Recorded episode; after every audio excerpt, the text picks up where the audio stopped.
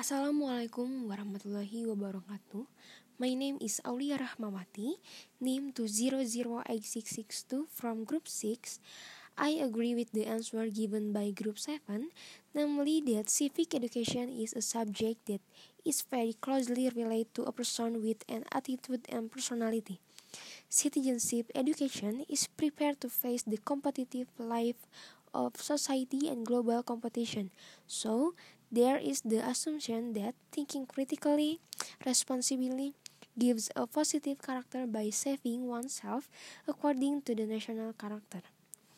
Thank you for listening. Wassalamualaikum warahmatullahi wabarakatuh.